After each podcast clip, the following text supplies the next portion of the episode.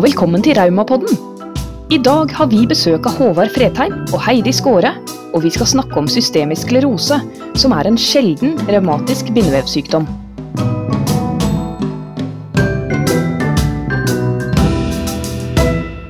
I vår pasientorganisasjon, Norsk Revmatikerforbund, så jobber vi med mange forskjellige sykdommer.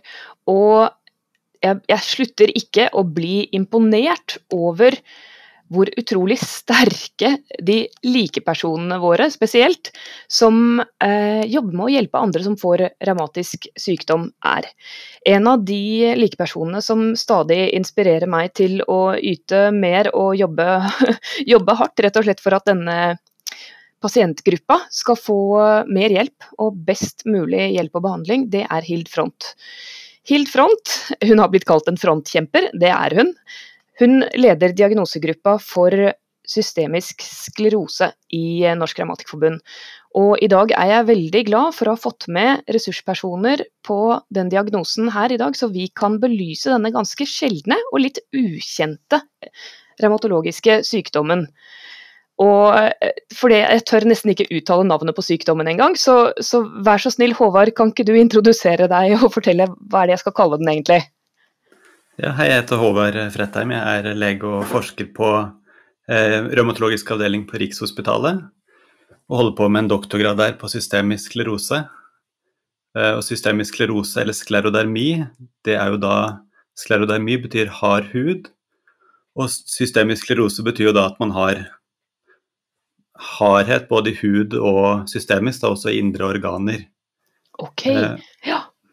Og det er jo da en revmatisk sykdom en bindevevsykdom der eh, man får eh, forandringer i blodårer, og eh, det er en forstyrrelse i immunforsvaret som gjør at blodårene og det normale organet blir erstatta av hardt vev, da, og organet mister normal funksjon.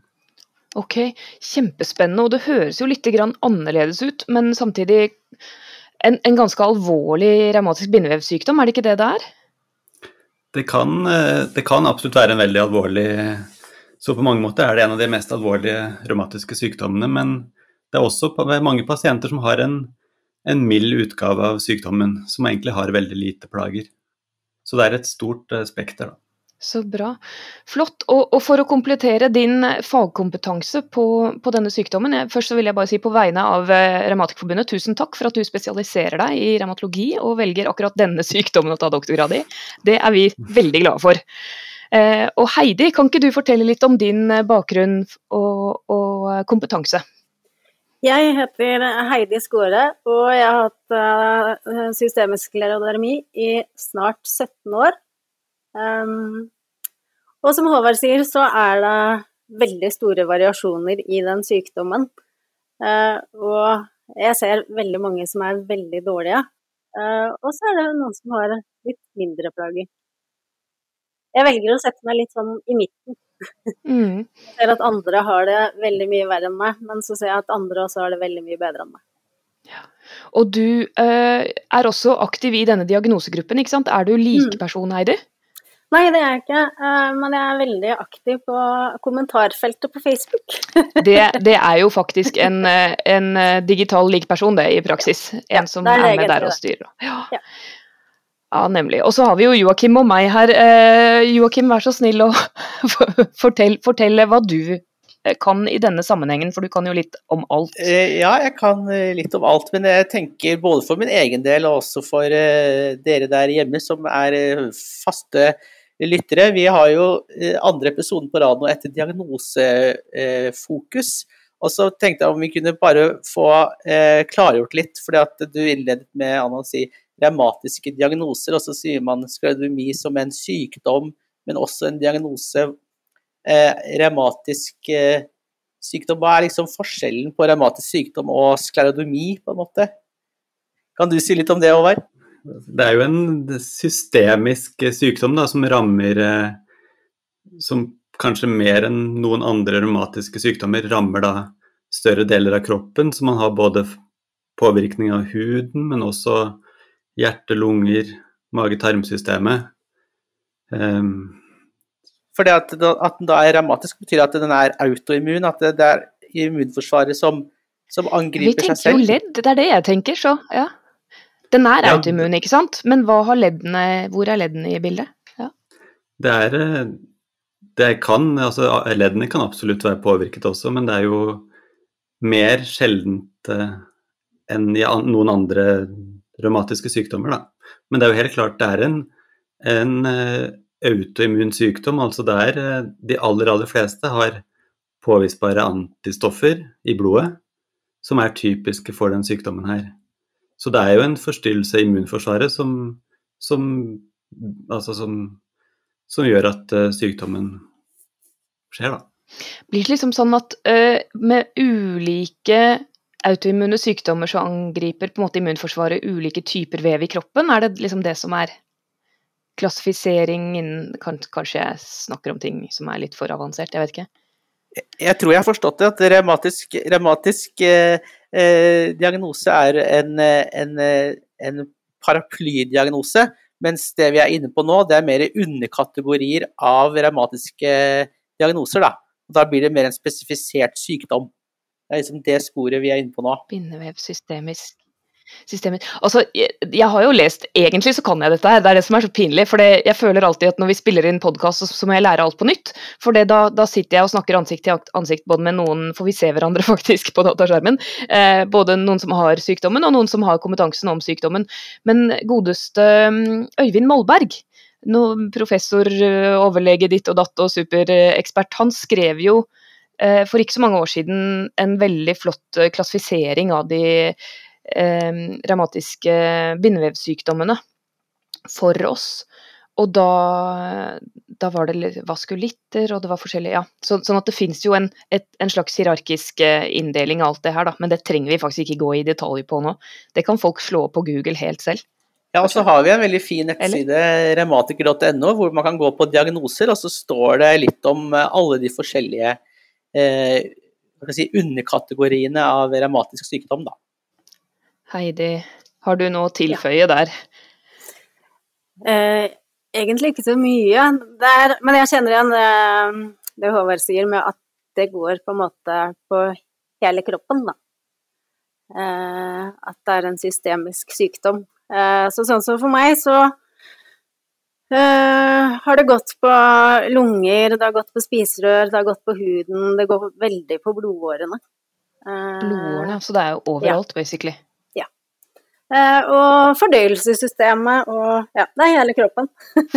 Altså Hvis du får den fortykkede huden i fordøyelsessystemet, det må jo være helt eh, ja, veldig veldig vanskelig å gjøre noe med. Håvard, ser dere mye til det? Ja, så det En av de vanligste komplikasjonene ved systemisk sklerose, det er jo da um, mage-tarm-plager. Ja. Sånn, så å si alle har en la, et eller annet symptom fra um, mage-tarm-kanalen, og det kan da være sure oppstøt er veldig vanlig, eller eh, svelgevansker f.eks.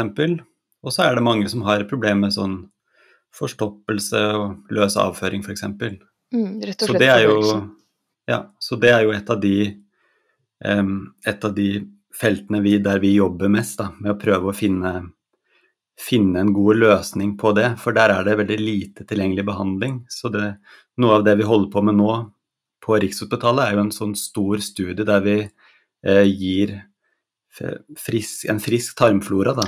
Nemlig, for dette har godeste Midtvedt forska på, ikke sant? Han har holdt foredrag for oss om det. Ja. Så det, Øyvind Midtvedt har vært eh, veldig involvert i det. Eh, og da er jo tanken at eh, vi har fått penger da, til å gi 70 norske pasienter med systemisk sklerose en, en frisk tarmflora da, fra en frisk person. Mhm. Tarmbakterier som, som gis to ganger med to ukers mellomrom. Og så ser vi da om det har bedring da på eh, plagene da fra, med tanke på f.eks. diaré og oppblåsthet og sånne ting. Veldig, veldig spennende. Altså. Men jeg lurte på hvordan er det man eh, eh, diagnostiserer sykdommen? Er det, er det noe som er easy-peasy, eller, eh, eller er, det ofte lang prosess? Det, er, det kan være en eh, lang prosess, og det kan være enklere. Så dessverre ser vi jo det at eh, mange pasienter fortsatt, selv om sykdommen har blitt mer kjent, så er det en del pasienter som har hatt har hatt plager i flere år før de kommer til en revmatolog. Og da er det jo ofte sånn at pasienten eh, har hatt Det starter ofte med likfingre. Og så kan pasienten da etter hvert utvikle f.eks. svelgevansker eller fortykkede fingre, f.eks. Og da, når man da kommer til en revmatolog, da, så vil revmatologen undersøke og se på ta blodprøver med tanke på antistoffer, og da er det noen antistoffer som da er typisk for systemisk sklerose. Og så vil man undersøke blodårene i fingertuppene for å se om de er skadet på en sånn måte som man ser ved systemisk sklerose. Mm. Eh, og hvis man da i tillegg har andre klassiske symptomer på sykdommen, så kan man da ofte stille diagnosen, da. Kan du bare si bare kort hva antistoffer er? Jeg ble litt usikker på det. Ja, eh, ja. Så antistoffer, det er jo en del av eh, immunforsvaret, altså forsvarsapparatet til kroppen, som egentlig da skal hjelpe og forsvare mot infeksjoner som virus og så lignende. Men i noen tilfeller så ser man jo da at kroppen produserer eh, de her antistoffene, eh, som da igjen angriper eh, deler av dine egne celler, da, som igjen kanskje er med og bidrar da, til at man eh, å drive sykdommen framover. Ja, så der får man, vi den autoimmunfaktoren inn, ja. Nettopp. Ja. Altså autoimmunitet, den gåten av autoimmunitet. Men, men, jeg må tilbake til Heidi og spørre litt hvordan dette her oppleves. For nå har vi fått vite litt mer om eh, sykdommen og, og kjempespennende dette forskningsprosjektet på tarmhelse. Det vil vi høre mer om og kommer sikkert til å stå og banke på døra oppe hos dere på laben og bare 'fortell oss mer'. Eh, men eh, for, for, dere trenger ikke røpe noe altfor tidlig. Så klart, ja det, det, får løpe, gå sin gang, det prosjektet. Men Heidi, hvordan har din pasientreise vært? Hvordan begynte det, og hva skjedde da du begynte å bli syk? Eh, for meg så starta det faktisk da jeg var 16 år, eh, som jeg plutselig fikk to blå fingre. Eh, og blei lagt inn på det som heter Revmatismesykehuset, eh, som var innunder saniteten, Sanitetsforeningen. Eh, og da var jeg lagt inn der da i to uker og fikk påvist vaskulitt, som er en blodkarbetennelse. Mm. Uh, og etter det så fikk jeg uh, årlig eller halvårlig oppfølging fra Rikshospitalet. Og uh, jeg begynte å få de symptomene som Håvard beskriver, med enda mer likfingre, svelgeproblemer, jeg fikk betennelse i spiserøret, pølsefingre. Eh, så det var hele tiden noe som eh, utvikla seg. Uh, huden i ansiktet ble strammere, jeg klarte ikke å gape ordentlig. Etter hvert så fikk jeg dårlig pust. Ja. Ja. Og så Nå er det noen begreper dere har brukt som, som, jeg tror ikke alle er kjent med, og det er likfingre og pølsefingre. Sier du, kan vi begynne med likfingre? Hva, hva er det for noe? Likfingre er jo da um, det er noe som egentlig er ganske vanlig i befolkningen. Eh, det er mange, spesielt kvinner, som opplever at hvis man er ute en kald vinterdag, så kan en eller flere fingre plutselig bli, endre farge. Noen kan merke at fingeren blir helt hvit, og så blir den litt nummen. Og det skyldes jo da at man at de blodårene som er helt ytterst i huden, kan trekke seg sammen pga. kulden som gjør at man får en endring i fargen. Men ved systemisk sklerose så har man ofte en, en endring i blodårene som går dypere i fingeren, som gjør da at eh, de får uttalt sånne likfingre, hvite fingre ofte, da. Og i verste fall så kan den eh, karskaden være så, eh, være så alvorlig at man da får sår ytterst på fingertuppene som følge av eh, dårlig blodsirkulasjon, da. Så det er jo ikke sånn at um, det er jo ikke sånn at hvis man har likfingre, så skal man tenke på at man har systemisk sklerose. Det, det er mange flere som har det, på en måte? Ja, det er jo et veldig, veldig vanlig. Okay, det... Men, det jo, men, det er jo, selvfølgelig sånn hvis du da får, har kjempeplager med likfingre og begynner å få sår på fingertuppene og sånn, det er jo ofte et tegn på at man må undersøkes nærmere.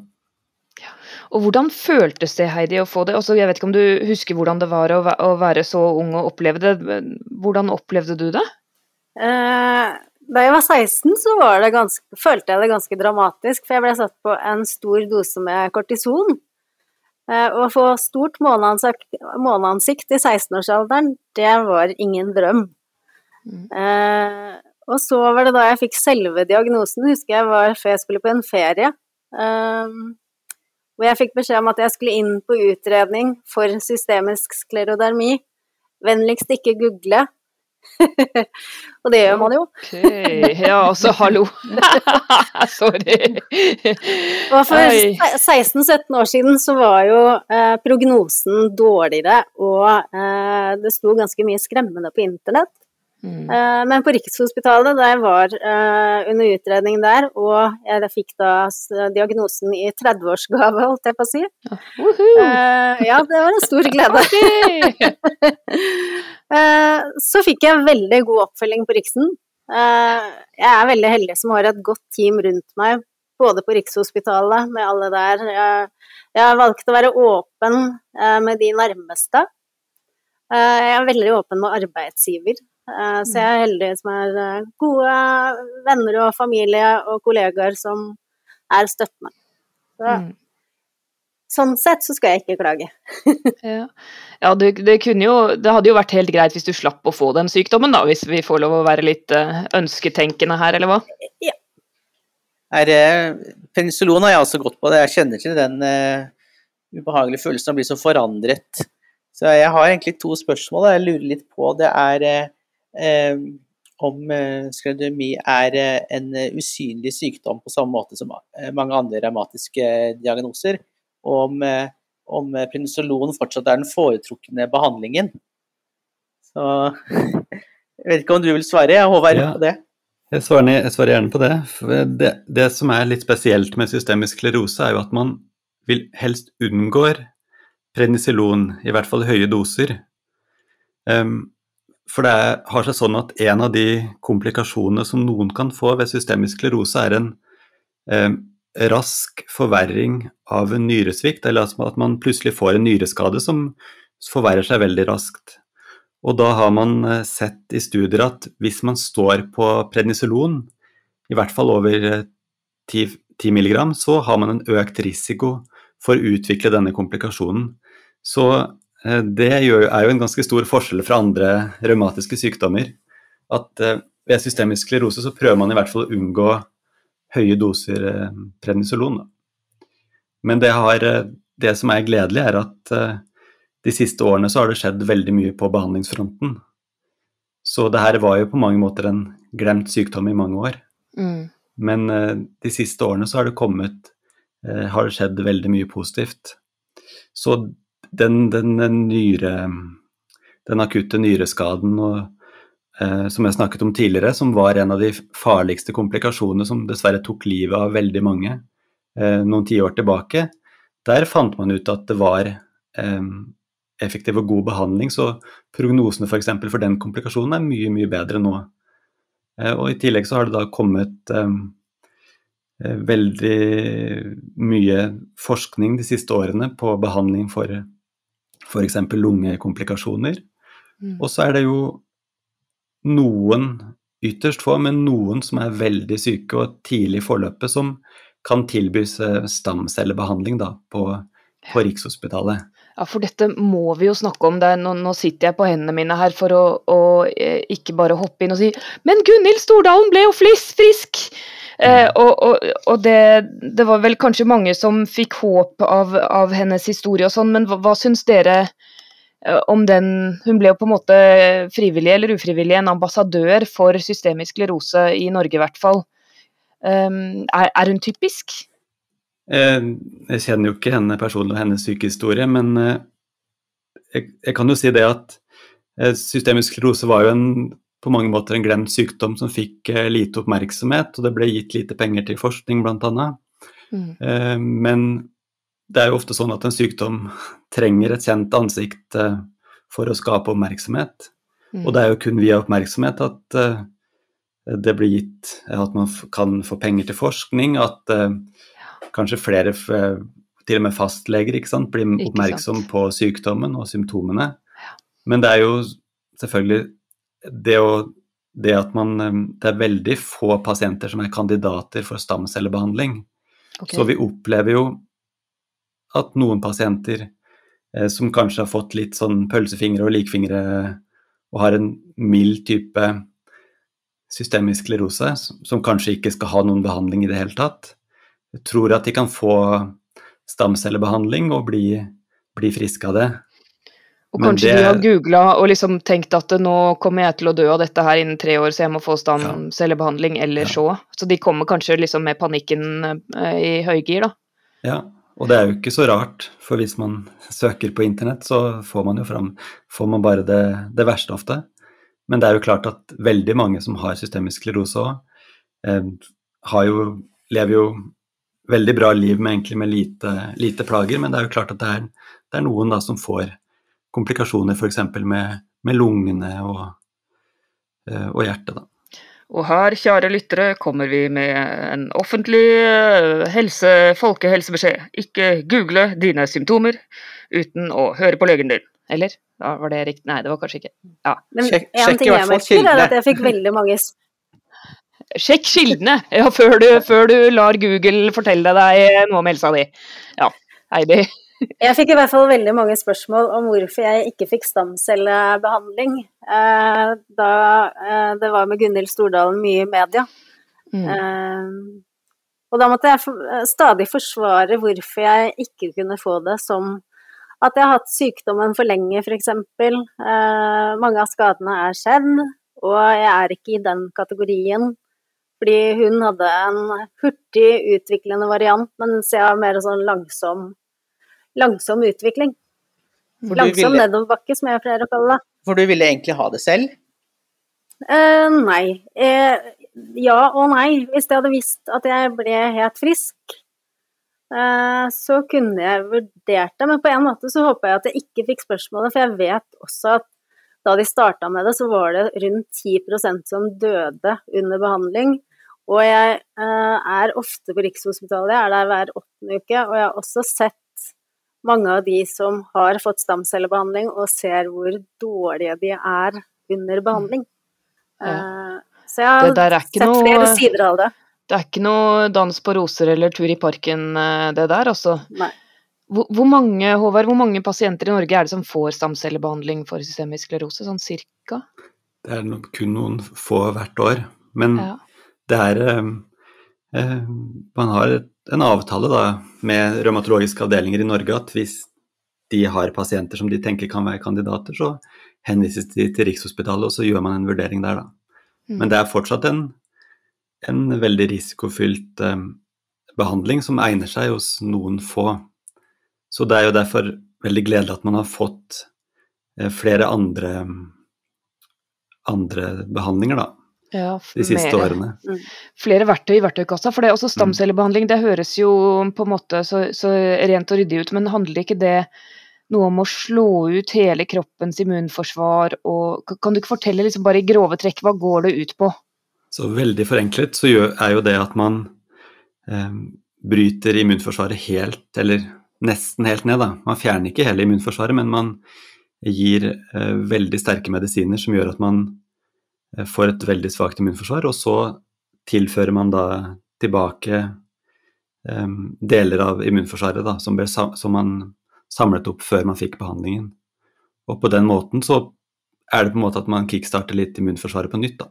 Men eh, Men jeg bare lurte på om eh, Burde ikke det funke da på flere revmatiske diagnoser, hvis det handler om å kickstarte immunforsvaret? Og vi har funnet ut at det er en Eller vi, vi, vi har, det er jo en fellesnevner med dårlig immunforsvar. ja, Mm. det er jo Men det er, eh, det er jo en veldig risikofylt uh, behandling, da, som sagt. Mm. Og så er det jo heldigvis sånn at 10 dør og Eller kanskje ikke nå lenger, men allikevel, ja. det er fortsatt en høy, høy eh, dødelighet. Og det er jo heldigvis sånn at um, i andre i mange andre revmatiske sykdommer så finnes det veldig gode behandlingsalternativer. Så man vil aldri ta sjansen på, på en så risikofylt behandling, da. Mm. Og som sagt, til og med i systemisk sklerose så er det ytterst få som egner seg til den type behandling. Mm. Så det er liksom det, ut, det gjøres en veldig sånn eh, streng seleksjon da, på hvem som passer. Der må vi rett og slett stole litt mer på legene, tror jeg. Altså der, det er så mange jeg møter, eh, og jeg har selv vært gjennom det, det der å bli på en måte ikke tatt på alvor, og så tar veldig lang tid å få diagnose, tar veldig lang tid å komme til riktig kompetanse i helsevesenet for å få hjelp. og så, sånn at man, man ofte så bygger man opp en sånn derre mistillit, da. Eh, at det Å, du tar meg ikke på alvor, og det, det, det fins jo behandling, gi meg det, på en måte. Sånn at jeg forstår at det kan være lett å, å, alltid fighte for å få den mest inngripende, på en måte den, den, dyreste og mest avanserte behandling. Bare gi meg den nå! Men her mm. må vi faktisk stole litt mer på legene også, fordi de vet Sorry, litt grann. De vet, de vet hva de driver med. Og det der å, å, slå ned noens immunforsvar fullstendig og liksom bryte dem helt ned, og så skulle kanskje håpe å bygge det opp igjen litt friskere Altså, vi, det, vi snakker ikke Paracet der i gården, altså. For uh, vi får, vi får uh, ta det litt grann kult. Ta oss en bolle Nei, oh, Anna, nå. Nei, sorry. Uh, ja. Ikke ta oss en bolle, men også ja, prøve å stole på legen, da. Hvis de sier at vi tror ikke denne behandlingen er riktig for deg, så kanskje vi skal prøve å stole på de litt. Eller hva, Heidi? Hva, hva opplever du i, i Facebook-gruppen deres sånn? Hva sier folk om dette? folk sier veldig mye forskjellig. Jeg tror det er forskjellig hvordan man blir møtt på sykehus. Jeg er jo veldig heldig som får være på Rikshospitalet, og det har skjedd mye, sånn som Håvard sier. Da jeg eh, blei syk for eh, snart 17 år siden, så var det eh, bare medisiner mot likfingre. Eh, mm. Nå er det sånn type lavdose cellegift, eh, du får medisiner for spiserør. Det er ingenting som helbreder. Men det, jeg merker også mange som kanskje ikke får den behandlingen fordi de ikke kanskje blir hørt da, på det, hos den legen de er, eller sykehuset de tilhører. Her må vi snakke litt til helsepersonell, for jeg vet det er en god del helsepersonell takk og lov, som hører på denne fantastiske podkasten, unik i sitt slag i Norge. Eh, beste raumapodden vi har. Eh, jo, og dere helsepersonell, kjære dere, vær snill å lære litt mer om disse sjeldne sykdommene som nå du gjør selvfølgelig bare ved å lytte på denne podkasten. Du har også mulighet, hvis du vil følge med litt på akkurat eh, systemisk sklerose, så kan du abonnere på et uh, nyhetsbrev som Hildfront og diagnosegruppen lager, som heter Kollagenet. Hvis du sender en e-post til sklerodermi.revmatiker.org, så kan du helt gratis, fire ganger i året, få et veldig informativt nyhetsbrev om denne diagnosen. Og bare følg med på hva som kommer fra Rikshospitalet. Der har vi nå, takk og lov, altså takk for at det har kommet forskningsmidler og satsing på det fagmiljøet der på Riksen. For der, der finnes det god kompetanse og masse spennende forskning på denne sykdommen og også andre bindevevsdiagnoser. Jeg, jeg tenker det litt sånn gir håp. Jeg tenker det gir litt sånn ja. håp for oss som er syke. Uh, I og med at det ikke finnes noe uh, kurativ behandling. Ja, det er ingen mirakelkur. Nei, det er ikke det. Og da er det Ja, det er godt å se at det skjer utvikling. Men tenk Heidi, om altså når, så, så, spente og på en måte optimistiske alle ble av uh, Stordalens historie og, og, dette med stamceller, og alle vil ha det. Mm. Tenk om den nye forskningen som de gjør nå på tarmflora, og det å kunne få injisert en sunn tarmflora da, to ganger i løpet av to uker, tenk om det kan ha effekt? Og så hva hva vil det si for pasientene? Det må da være veldig mye mindre inngripende? Jeg ville tenkt det som pasient selv, i hvert fall. Mm. Det er jo klart, eh, sånn jeg har skjønt det nå, så får man jo da det her gjennom gastroskopi, og det er jo ingen hyggelig undersøkelse. Men likevel så eh, ville det absolutt vært verdt det, tenker jeg, hvis det hjelper. Ja. Håvard, vil du fortelle litt, mer, litt om den? Litt mer om ja. det. det er jo det vi håper først og fremst, er jo at ved å endre litt i, tarmfloraen til pasienter med systemisk sklerose, så kan man også bedre mage-tarmplagene. For vi vet at pasienter med systemisk sklerose de har en annen tarmflora, de har andre bakterier i tarmen enn friske personer. Eh, og så kan man jo håpe at ved å endre tarmflora, at det også har en positiv effekt på andre symptomer i kroppen, andre organer i kroppen. Men det er jo ja, litt mindre sannsynlig, men vi håper jo selvfølgelig det. Men det er jo ikke sånn at vi nå tenker i første omgang at det her skal erstatte annen type behandling. Det her er jo på en måte en tilleggsbehandling for mage-tarmsymptomer i første omgang. Og der må det jo forskes mer. Men også bare det for, og jeg mener, som anbefales oss alle sikkert, men som jeg ikke alltid helt klarer å ta inn over meg med og du skal Jeg vet ikke hva man skal spise og ikke spise, jeg blir stadig forvirra, men, men, man kan jo støtte opp under en, en sunn tarmflora på forskjellige måter. Det, kan det være liksom et skritt i riktig retning å jobbe for å, å, spise ting som gir en sunn tarmflora, eller er det et litt sånn lost case å jobbe bare på den måten? Det er, det er veldig vanskelig å gi sånne konkrete råd på på akkurat hva man skal spise. Så i utgangspunktet så anbefaler man jo å følge vanlige norske retningslinjer for kosthold, men vi ser jo at mange pasienter med systemisk sklerose som har mage-tarmsymptomer, de eh, må unngå visse typer eh, matvarer f.eks., for, eksempel, for da får de mer plager. Så det, det er ofte sånn at um, pasienten må, ja, må, bruke litt tid på å finne ut hva som fungerer for en selv. Da. Hvilke hvilke matvarer som pasienten tolererer. Og da bare nevne det at Og da er det viktig å bruke sant, de ressursene man har. Så det er f.eks. mange dyktige ernæringsfysiologer.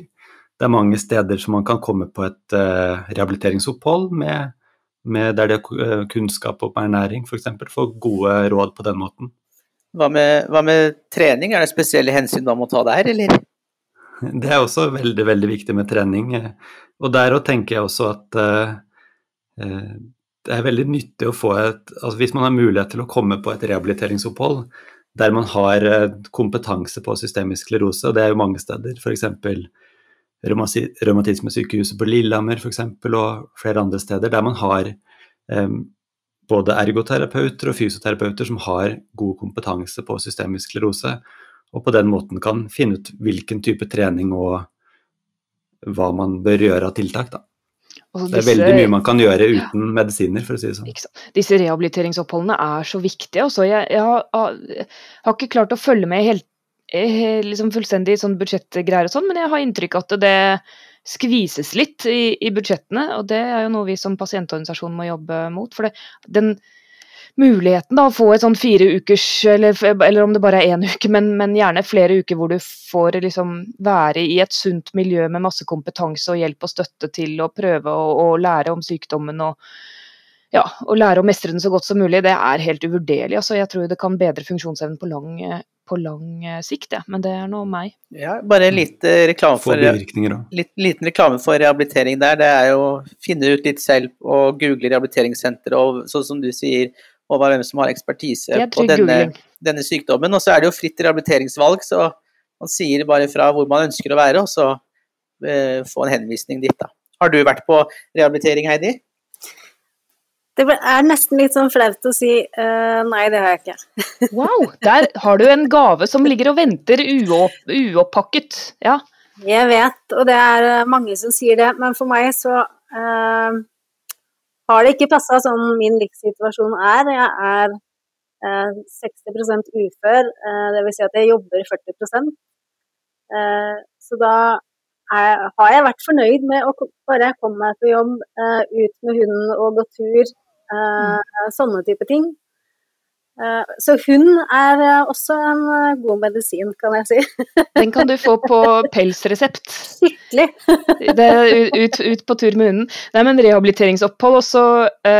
Joakim, vi som jobber i Norsk Revmatikerforbund sentralt, vi må søren meg fortsette å løfte den kampsaken også, fordi jeg syns det virker som det er så lett for myndighetene og diverse, alle skal liksom please alle også. Det er så lett å skvise ut sånne, sånne tiltak som ser litt dyre ut på papir, hvor man ikke ser hvilken fantastisk effekt det har da, å løfte en pasient eller sant, mange hundre i året opp av, eh, av, den ensomheten egentlig som vi kan bli sittende i da, eh, hjemme alene med sykdommene våre. Jeg fikk jo revmatoid artritt da jeg var på Heidis alder, begynte min, så vi har liksom fulgt egentlig samme tidsløp, bare at min autoimmune diagnose som begynte i 17-årsalderen var revmatoid artritt. og det var vel først da jeg var, jeg var 25 da jeg fikk et uh, fire ukers rehabiliteringsopphold, og det var en reset også. Det var, eh, det var før og etter, for da fikk jeg være der. Det var på et sted som ikke fins lenger. Var det, de, de, drev med kosthold oppe i Valdres, men, og det var mye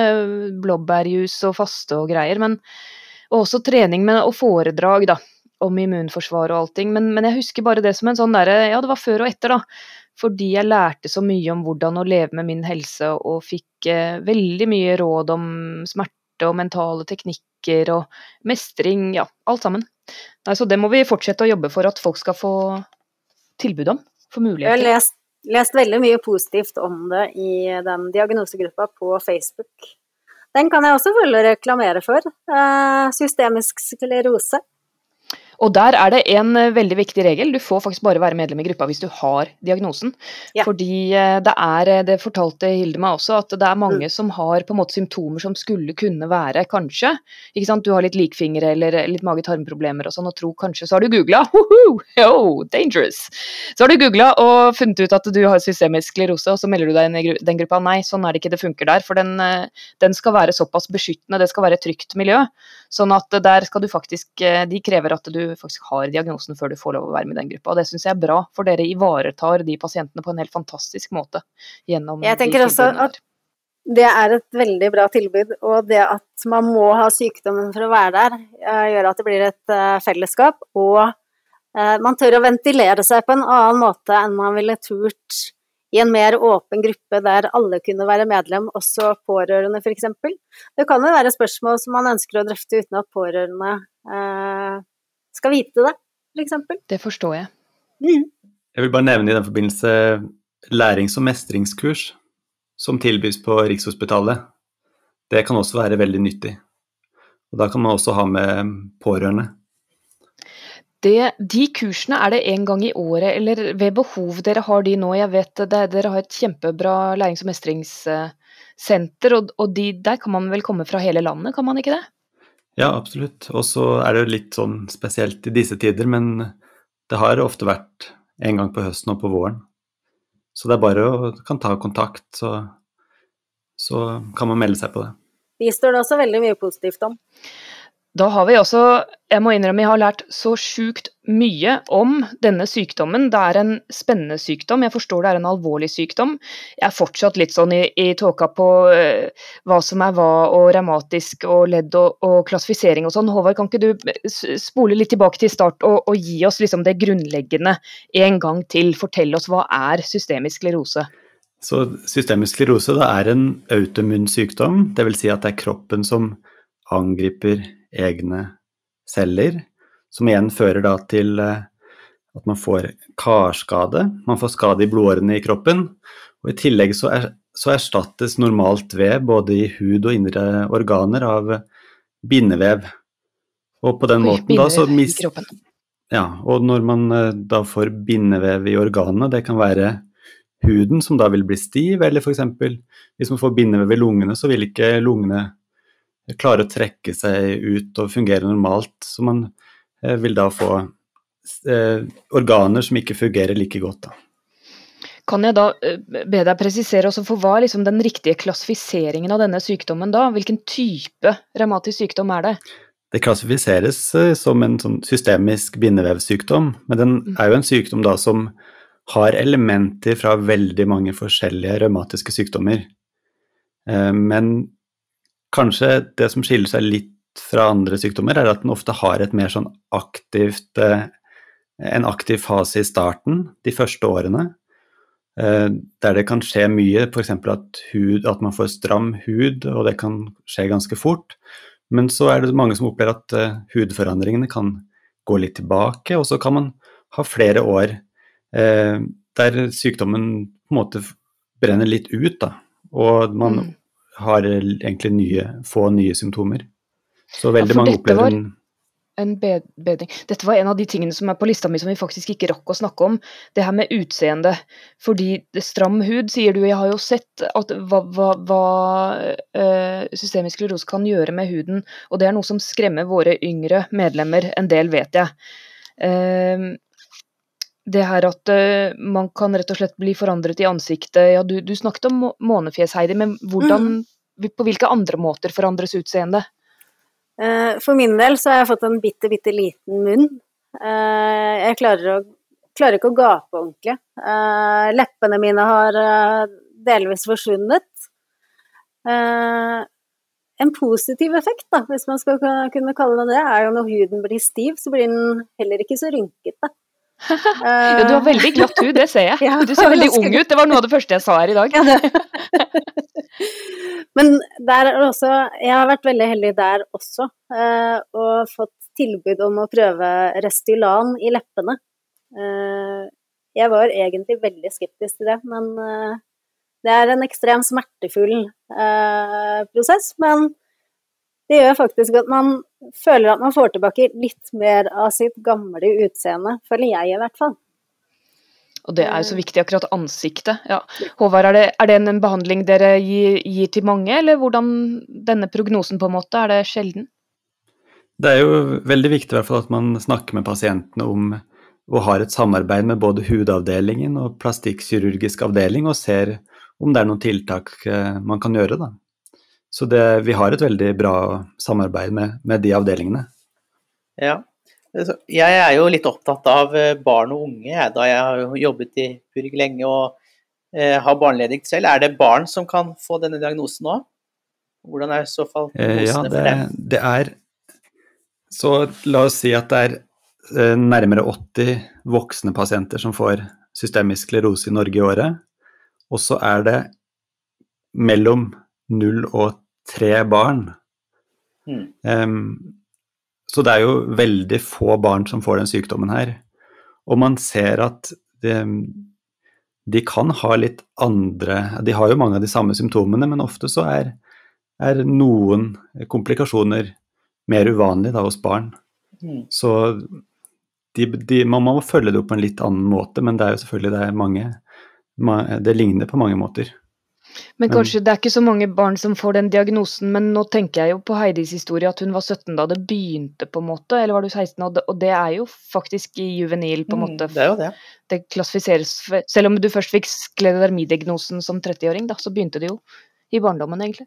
Det er helt riktig, så um, man regnes som, uh, jo som et barn da, og gjennomsnittsalderen er 54 okay. år. Det for, forteller jo litt, ja. 86% kvinner. Oi. Så um, det er en eh, kvinnesykdom som, ja, som ofte rammer de som er i, i midten av 50-åra, men så, som sagt så har man jo da eksempler på sant, at det er noen som er helt nede i barnealder når de får det. Ja. Og det er i utgangspunktet da en sykdom som man har eh, livet ut. Det, er, men som sagt at den kan da brenne ut, og at den ofte er mer aktiv i starten. Ja. Det er kjempeviktig at du presiserer også, og det er noe vi, eh, og vi ber alle likepersonene våre også snakke om det at det, ofte så er det er mange revmatiske sykdommer som er liksom verst i begynnelsen. Også for det, når du, akkurat når du får diagnosen er, er da du ikke har, du har ikke noen behandling, og du har kanskje ikke lært å mestre sykdommen. Du har ikke fått alle de der tingene på plass som vi får på plass litt over tid. Sånn at det selv om når du får en sykdom som dette, da, eller en annen, en annen revmatisk diagnose, når du får diagnosen så føles det liksom som en livstidsdom, så er det altså fullt ut mulig å ha gode og friske, velfungerende liv med disse sykdommene, med riktig behandling og egen mestring og ja, alle tiltakene vi setter i stand. Og det har vi heldigvis masse gode tilbud uh, for deg i Norsk Grammatikkforbund. Ta kontakt med din lokalforening. Meld deg gjerne inn i diagnosegruppen for systemisk sklerose. Og ja, følg med på nettsidene våre for å lære mer om hvordan å leve best mulig med den helsa du har, med eller uten diverse revmatiske diagnoser. Da sier jeg tusen, tusen takk til dere som stilte opp her på vår Zoom-podkast-innspilling en, en, vakker eh, fredag i mai. Takk til deg, Håvard, som, som, spesialiserer deg i dette, og jeg tror du kommer til å hjelpe veldig mange pasienter med den innstillingen du har. Yes, gull verdt for våre grupper. Og Heidi, tusen takk for at du kjemper på og hjelper pasienter over hele landet gjennom denne Facebook-gruppen. Dag har vi snakket om den revmatiske bindvevsykdommen systemisk sklerose, og hva som skjer med forskning og behandling for den. Del gjerne denne episoden videre med folk du kjenner som kan ha nytte av den. Som vanlig er det Podmaster som har fiksa lyden.